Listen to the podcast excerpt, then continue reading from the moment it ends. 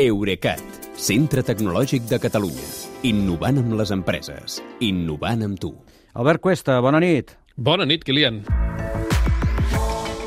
Diríem que mentre Twitter continua el caos desfermat per l'arribada, així com, com qui no vol la cosa, gairebé com un elefant, eh, amb una botiga de, de vidres finets d'Elon Musk, la Sí. fugida d'usuaris cap a Mastodon ja és alguna cosa més que una anècdota, dius.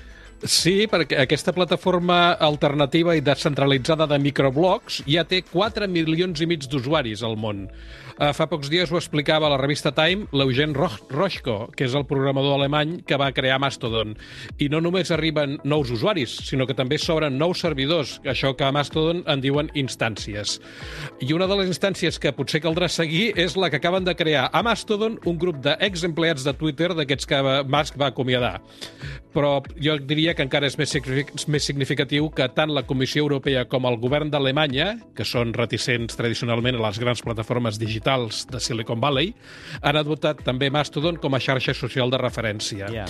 Uh, I l'interès continua creixent perquè avui he vist que una empresa d'allotjament web que espe està especialitzada en instàncies de Mastodon ha suspès l'admissió de clients nous perquè no donen l'abast. Tu recomanes això de crear una instància, això com, com ho diuen ells, instància pròpia de Mastodon?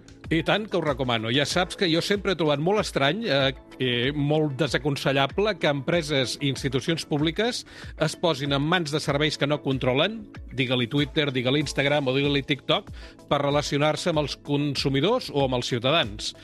Doncs, a bé, eh, de, de descarregar la trànsit als servidors, les instàncies actuals, que solen estar gestionades per particulars, tenir una instància pròpia de Mastodon a mi em sembla una bona eina per crear comunitat al teu voltant, perquè captes membres, fidelitzes els que tens i, a més, pots establir les teves pròpies normes de participació. Això jo crec que val tant per les empreses com pels organismes públics, això que dèiem de la Comissió Europea, del govern alemany, i pels mitjans de comunicació. Jo no sé si no haurem de proposar a les altres esferes de la ràdio Ah. un Mastodon de Catalunya Ràdio. Bé, s'haurà d'estudiar. Eh? Perquè tu que ets molt, molt actiu a Mastodon, com, com està anant això? Has marxat de Twitter, per cert, ja? Ah, sí però no. Sí, però no. Sí, però no. Aviam, tancar el perfil de Twitter representa deixar penjats els usuaris que et segueixen i, en el meu cas, a més, res, eh, implicaria que deixarien de funcionar aquella de, aqu- les desenes de llistes d'interès que considero públic que hi ha anat creant amb el temps i que, mm, senzillament, és que a Mastodon no les pots replicar perquè la majoria dels usuaris de Twitter que tens a les llistes de Twitter no són a Mastodon. El que sí que he fet és adoptar eh, com a principal el meu perfil de Mastodon. Des d'ahir només interactuo allà amb els usuaris, només escric allà i això sí, tinc automatitzat que a Twitter se'n publiqui una còpia d'això que escric. Ja veurem com surt l'experiment. Ara com ara, eh, deia, pre- preguntaves que com va, eh, Sí. Mastodon és una mica com el Twitter d'antes, saps? Eh, Hi ha molta gent que hi entra a descobrir-lo i a provar com funciona. Jo crec que li, li manca una cosa que tècnicament és difícil de fer, que és un cercador d'usuaris de totes les instàncies que forma part de la xarxa mundial, que vull dir que només pots cercar amb la teva, a la que estàs connectat tu, però en canvi jo trobo que funcions molt potents, com la possibilitat d'indicar amb quin idioma estàs pu- publicant i també eh, la recíproca, filtrar amb quins idiomes vols llegir les publicacions d'altres. Quan dius això de l'idioma, el català també, eh?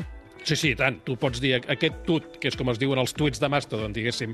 Aquest tuit és en, tut és en català i tu després pots dir, doncs jo només vull llegir tuts en anglès, francès, català i, i jo què sé, i, eh, i, i, rus, i rus, per dir-te alguna cosa. Mm. Mm -hmm. Gràcies, Albert, bona nit. Fins Bona demà. nit, Kilian. Fins demà. Eurecat, centre tecnològic de Catalunya. Innovant amb les empreses. Innovant amb tu.